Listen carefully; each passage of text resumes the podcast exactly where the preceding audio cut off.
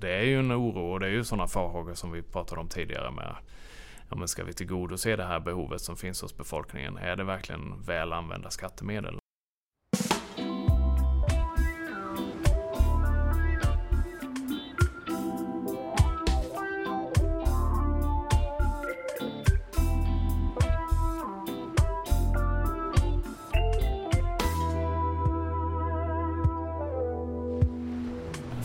Året, under 2019, så passerade de privata nätläkarbolagen ungefär en miljon patientbesök och det kan jämföras med drygt 600 000 året innan. Och allt tyder på att den här ökningen kommer att fortsätta, men också att den digitala vården blir allt mer fysisk. De här så kallade nätläkarna har snabbt etablerat sig i den svenska hälso och sjukvården och har med ett disruptivt anslag inte böjt sig för traditioner. Och det har verkligen uppskattats av patienter över hela landet. Men hur har då den traditionella eller den fysiska primärvården lyckats hantera den här digitaliseringen? Ja, det är någonting som vi ska prata om idag med Björn Hallström som är distriktsläkare, specialist i allmänmedicin och verksamhetschef här på Stadsfjärden i Nyköping. Björn, eh, varför tror du att digital vård eller digitala vårdmöten har blivit så populärt? Ja, men det, det, är nog många olika saker som har påverkat. Och, eh, dels är det ju en, ett behov hos befolkningen tror jag som, som eh, de här digitala aktörerna har anammat. Och att vi vill ha saker gjorda direkt. Man ska eh, ganska omedelbart få eh, sin, sina behov tillfredsställda. Att få hjälp direkt. Um, och sen um, att, att det blir väldigt tillgängligt. Vi lever mycket via, via våra telefoner och, och, då är det tillgängligt, smidigt. Man kan göra det när som helst, asynkront, um, dag som natt och så får man svar när det funkar. Mm.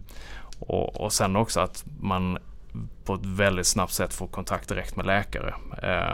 vilket tror jag tilldrar en del befolkning som, som är oroliga för sin hälsa och vad som ska hända. Ni har ju själva en eh, digital lösning som jag vet heter Praktikertjänst 24 eller PTI 24. Vad är det? Ja men eh, från början fick jag en så här, tänkte att ja, men det här är ett, ett verktyg. Det är lite som att införa någon, någon liten pryl på vårdcentralen och sådär. Eh, respekten för vad det innebär att införa PT24 den har ju ökat rejält för mig och för hela Vårdcentralen. Eh, och, och, för det här är en helt nytt sätt att kommunicera med patienterna. Det är en kommunikationsplattform eh, för både ingående och utgående meddelanden och, och information och, och bedömningar. Och, och det, det sker dessutom i förlängningen sömlöst mellan eh, det digitala och fysiska. Så man, patientens möte nu för tiden är de som sköts via PT24 eh, får en helt annan vårdmötesupplevelse än vad de har fått tidigare. Mm. Eh, det kan vara Eh, en chattkonversation som pågår några dagar och sen så tar man lite prover och så får vi se proverna och sen eh, bokas kanske ett fysiskt besök och så uppföljning digitalt. Och det, det upphäver ju hela tanken kring vad är ett besök egentligen. Eh, vad, när skedde besöket och vad, vad är det egentligen som händer? Det är, det är en process på ett helt annat sätt. Mm. Och man kan flyta mellan olika personalgrupper inom PT24 för vi, vi har eh, sedan i november inkluderat i stort sett alla personalgrupper på vårdcentralen så eh, patienten kan få hela vårt utbud eh, direkt i digitalt då. Mm. För alla personalkategorier i stort sett. Mm. Och det här verktyget då, Praktisk Tjänst 24, eh, som jag förstår det så kan ju ni med det eh, titulera er med ett modernt begrepp här, digifysisk vårdcentral. Vad är det? Ja, det är ju relativt nytt begrepp ändå som eh, det, det, är en intressant övergång när man eh, har patienten i det digitala. Eh, de kommer att ta prover, kanske träffa eh, någon vårdpersonal och sen följs upp i det digitala. Den där sömnlösheten och att det är en vårdprocess som man mycket tydligare kan följa genom patientens resa genom vårdcentralen på ett helt annat sätt än tidigare.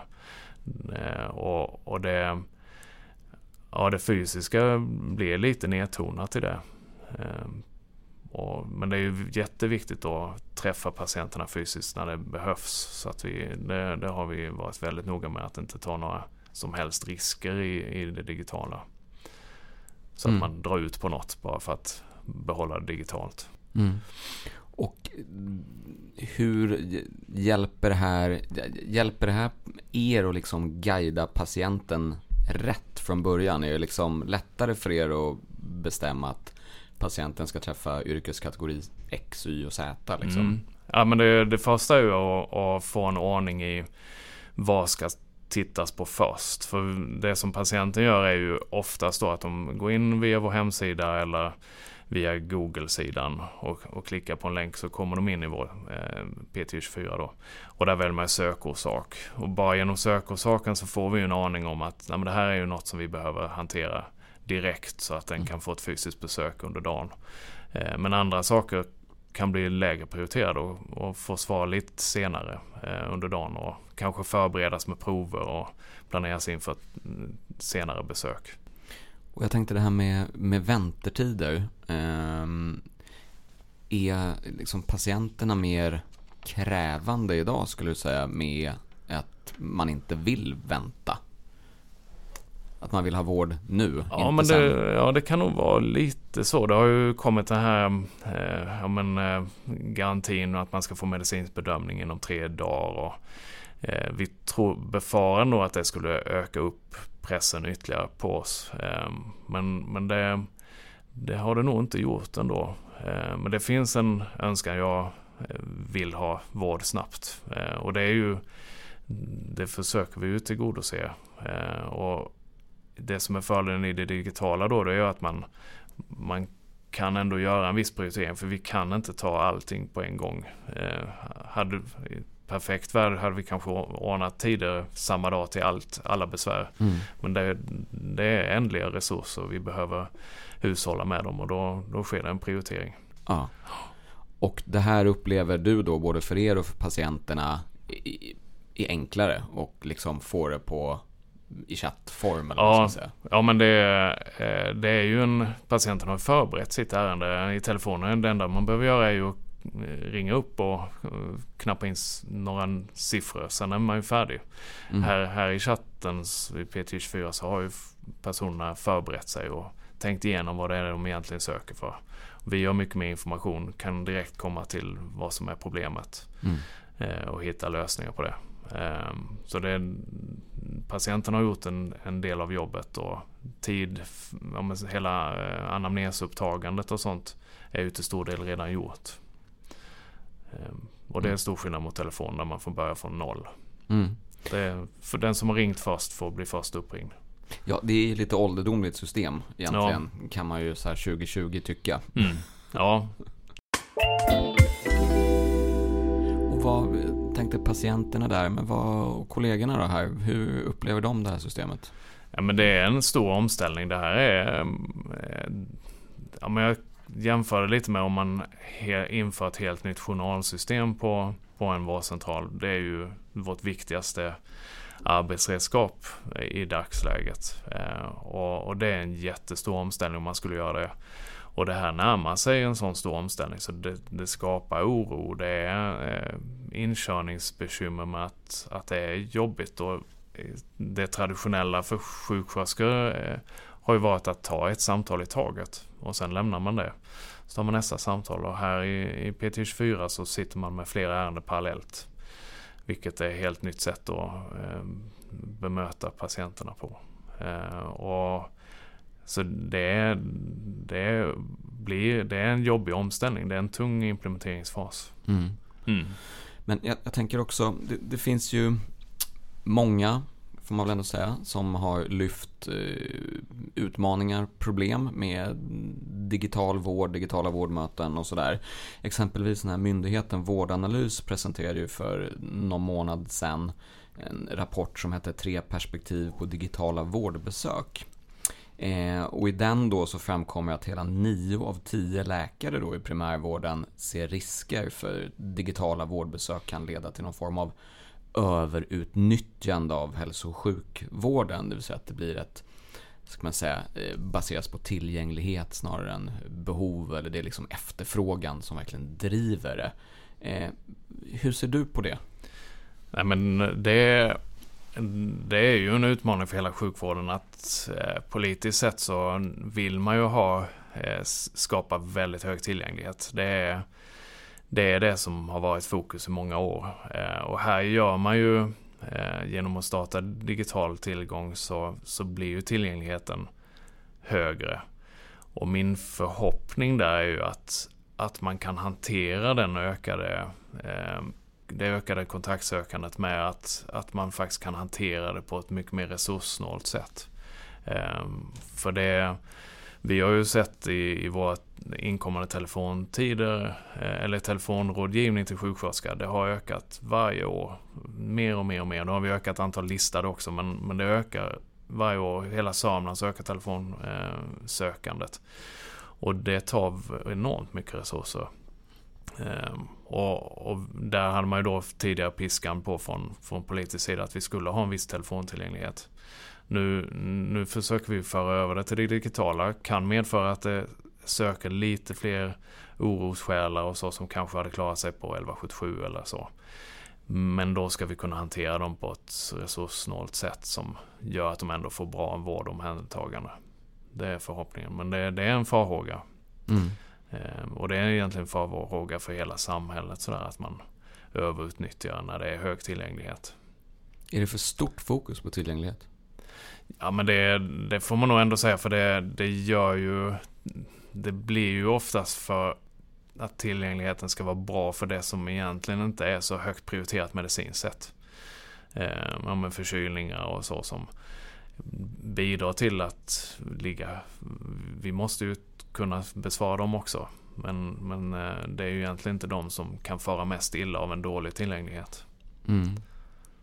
Men, och, och varför tror du då att det kanske är många som just vänder sig till eh, exempelvis de här eh, nätläkartjänsterna och sådär istället för 1177 som egentligen i vissa fall kanske kan ta eller jag vet i och för sig inte, men som säkert skulle kunna ta en, en del. Mm. Varför tror du att det har blivit så? Ja, men dels är det nog att det har varit eh, väl marknadsföringsmässigt är det ju läkare man träffar direkt och läkare slår högt. Det, det litar man på i högre grad än, än vad 1177 har haft eh, förtroendemässigt. Eh, och, och sen är det ju rent marknadsföringsmässigt. 1177 eh, har inte har inte marknadsfört sig så hårt som eh, många nätläkarbolagen gör. Eh, vad jag vet. Nej, så det är ganska mycket kännedom ja. delvis. Och då att man får, du vet att du får träffa en läkare och mm. inte med en sjuksköterska på mm. 1177. Och sen 1177 använder ju fortfarande till stor del telefonkommunikation. Ehm, och och där har man inte riktigt hängt med i, i digitala att få till eh, chattfunktioner och så som, som är lika smidiga och effektiva som, som nätläkarbolagen. Mm. Det där är också en andra intressant aspekt med vilken nivå liksom patient får träffa. Är det för stort fokus på att alltid få träffa liksom specialistläkare? Ja, nej men det, det får vi ju höra emellanåt som som allmänläkare och sådär att, att jag vill träffa en specialist. Och, och det är ju en... Eh, det är ju ett, vi har ju ett bekymmer med att det är ju en motsägelse att vara allmän specialist. Allmän... Eh, ordet allmän står ju inte för att man är specialintresserad eller specialkunnig. Eh, men förtroendet för allmänläkarkåren den, den vill man ju gärna ska komma upp högre för vi, vi eh, i det rätta sammanhanget där vi har en stor personlig kunskap om individen så kan vi göra otroligt mycket. Mm. Jag läste någon rapport, annan rapport här för ett tag sedan, jag minns inte namn på det, men där liksom patienter i ökad utsträckning, när man har frågat läkare då, har man ont i örat då vill du träffa en öronläkare. Mm. Har du ont i ögat då ska du träffa en ögonläkare. Mm. Det, det räcker liksom inte med att besöka vårdcentralen för Nej. det litar man inte på. Liksom. Nej, Nej och, och det, det, tror jag skiljer från olika regioner också. Eh, vi, Sörmland nu relativt nära Stockholm och eh, i, i själva Sörmland som helhet är inte riktigt de tankarna så långt komna. Men jag, jag anar att det är en större bekymmer i Stockholm. Jag tänkte också den här rapporten då eh, från Vårdanalys som då visar vissa farhågor då för behovs respektive efterfrågestyrd vård då. Men den visar ju också att digitala vårdlösningar, exempelvis det som ni sysslar med och som andra då arbetar med, också kan ge snabbare vård, spara tid och pengar eh, och sådär. Har ni märkt av att ni med den här PTI 24-lösningen har haft, hanterat, lyckats hantera ännu fler ärenden under det senaste året, om man ska säga? Ja, det är, ju, det är ju lite svårt att säga om det är samma mix av patienter som hör av sig. Eh, men eh, när man frågar nu i sjuksköterskegruppen och i läkargruppen eh, och även sekreterargruppen så är, är den, ja det, det, går snabbare, man kan hantera mer. Eh, men vi har inga eh, reda siffror i det, sådär, hur många personer som har suttit i tjänst där. Men det, det tänker jag kommer att vara utvärdering framöver hur det funkar. Mm. Men målet någonstans är att, i alla fall att det ska gå enklare ärenden ska hanteras ännu snabbare. Ja, liksom. ja och även eh, svåra ärenden ska hanteras effektivare. Så vi ska egentligen, ja, men hela, en stor del av vårdens utmaning är ju att med en åldrande befolkning och, och personer som vi ja, lever allt längre med kronisk sjukdom så ska vi kunna hantera eh, den här större vårdbehovet med mindre resurser eller så vi, vi blir mer effektiva. Det, det är ju målet och utmaningen som ställer vi inte om så kommer det aldrig att funka. Och jag tänkte bara digitalisering också. Det pratas ju väldigt mycket om just det här liksom, digitala patientmöten. Väldigt mycket fokus på just den här videokonversationer och chatt och annat. Men jag tänker för dig och dina kollegor liksom i sjukvården så är ju digitalisering måste ju vara väldigt mycket mer än, än det. Vad, vad, vad finns det liksom för andra mm. fördelar eller vad man ska säga möjligheter med digitaliseringen, eh, säger du? Liksom bakom kulisserna eller vad man ska säga. Ja. Ja, men eh, det som vi redan har som, som vi jobbar med det är ju eh, digitala verktyg för eh, hjärtsviktspatienter. Eh, och sen har vi också eh, att patienten kan rapportera in eh, blodsockervärden. Eh, så den typen av självmonitorering och där man egentligen med, med ett digitalt verktyg blir bättre på att hantera sin egen sjukdom. Eh, det, det, det kommer ju hända en hel del framåt där. Ehm, och ehm, ja, självbehandling då. Sen, sen är ju journalsystemet. Vi, vi lever i Sörmland med ett jättegammalt journalsystem som som kommer att bytas ut här eh, kommande år. Eh, och där har man ju också förhoppning att, att vi kommer en bättre hjälp rent digitalt sett eh, med ett modernare journalsystem. Mm. Jag tänker också när digitaliseringen då leder ju till ökad tillgänglighet och kanske att man kan ha större fokus på, eh, ännu mer fokus då på kanske äldre, kroniskt sjuka, multisjuka och sådär. Upplever du att ni när ni har kört det här under året har vårdkvaliteten på något sätt förändrats eller förbättrats? Ja, men det, det är lite svårt att säga ännu så länge. Dels har vi ju svårighet att mäta, mäta vårdkvalitet är ju svårt. Vi, vi fick ju ut den här nationella patientenkätsvaren under, under hösten här och det, där såg vi ju inga försämringar på något sätt. Eh, utan vi bibehöll eh, faktiskt samma, samma nivå fast vi hade sämre telefontillgänglighet under en period. Eh, så det, ja, men det är lite tidigt att säga om det, hur det påverkar. Vi har inte det, det som är nästa steg för oss är ju också att få in de kroniskt sjuka mer tydligt i det digitala. Och ha en eh, framförhållning där att eh, göra årskontroller och sånt eh, till större delen digitalt. Men du, jag tänkte också, mm, Hälso och sjukvården har ju varit väljarnas viktigaste fråga i många, många år. I alla fall i fyra, fem år som jag har mm. varit, mm. jobbat i hälso och sjukvården. Eh, och den har ju fått ännu mer fokus, som man väl ändå då säga, de senaste, bara, senaste månaderna. Mm. Och eh, regeringen öser pengar över hälso och sjukvården, mm. för att uttrycka mig lite plumpt. Eh, och bland annat i, i digitalisering och, och lite annat. Är det mer pengar som är lösningen? Ja, det är ju svårt att säga. Det, det är ju, om man tittar rent primärvårdsmässigt så är Sveriges primärvård eh, kraftigt underfinansierad i förhållande om man jämför med andra länder.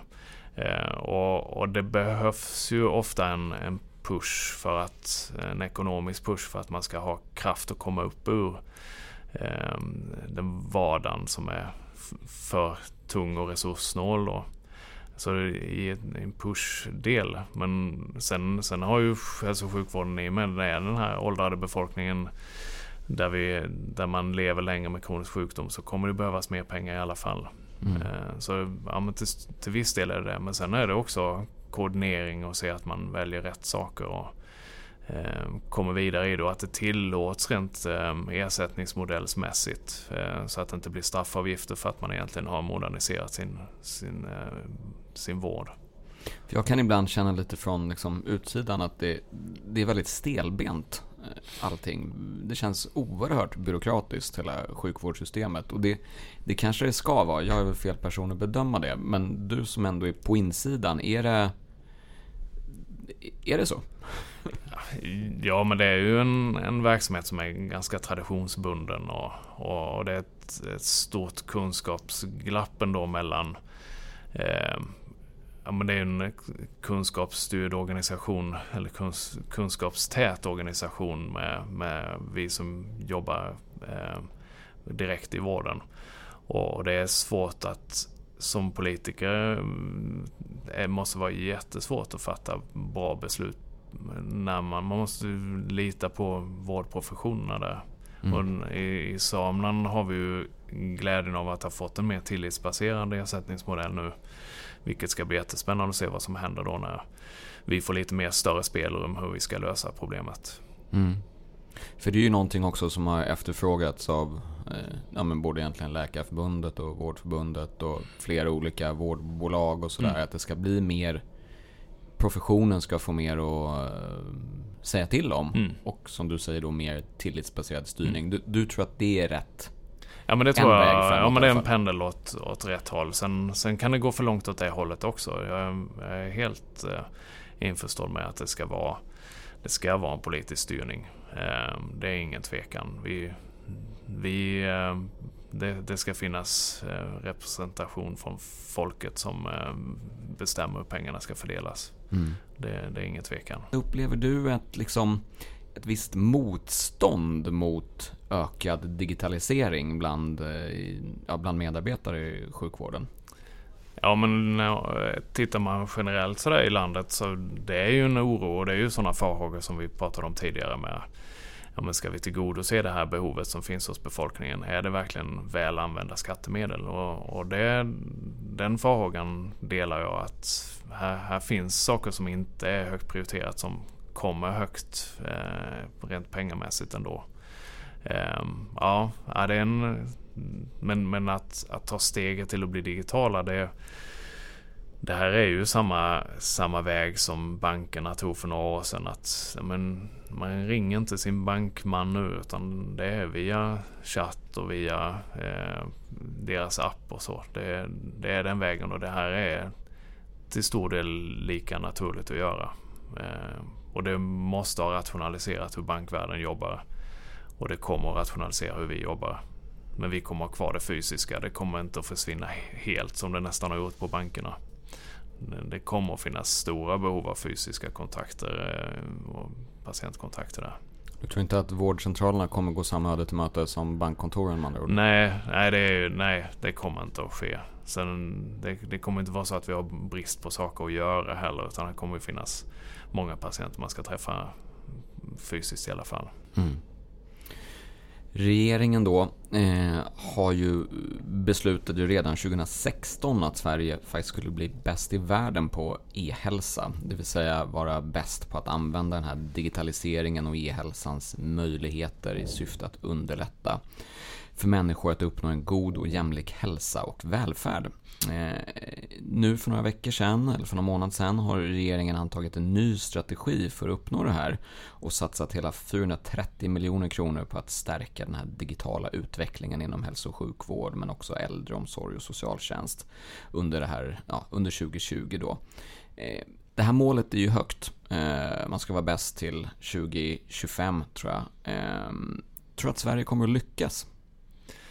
Ja, men jag, eh, det, det svåra är ju där vad man definierar som bäst. Eh, jag tror ju generellt sett har vi goda förutsättningar för att vara tidiga i alla fall i det här och, och vara med och, och utveckla formerna för det. Eh, och, och, det är ju sånt som att en stor del av befolkningen har telefoner. Mobilt bank-id har ju verkligen slagit igenom. Eh, och, och, hög nätuppkoppling och så också. Så det, en, det, finns ju förutsättningar. Det är ju få patientgrupper eller invånargrupper som inte skulle kunna bli mer digitala. Eh, men, men det här att vara, vara bäst, ja, eh, osäker. Det kommer nog finnas länder som ligger väldigt nära.